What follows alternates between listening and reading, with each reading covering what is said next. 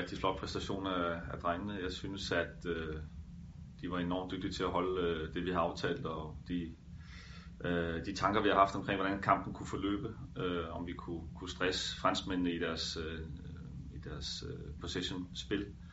Og øh, jeg synes også, at, øh, at vi var rigtig skarpe til at komme frem til chancer. Det ærger mig en lille smule over, at vi ikke øh, kan åbne kampen med en scoring eller to.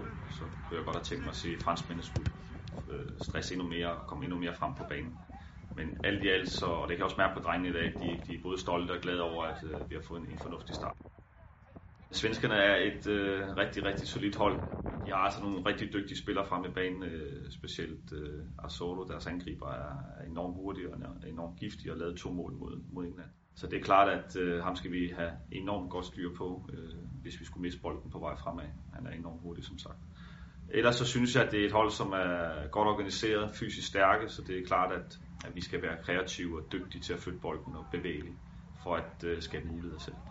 Men øh, et godt hold Sverige øh, med, med streg under hold, og så har de så lige Asolo på top, som, som øh, kan man sige er deres store individualist.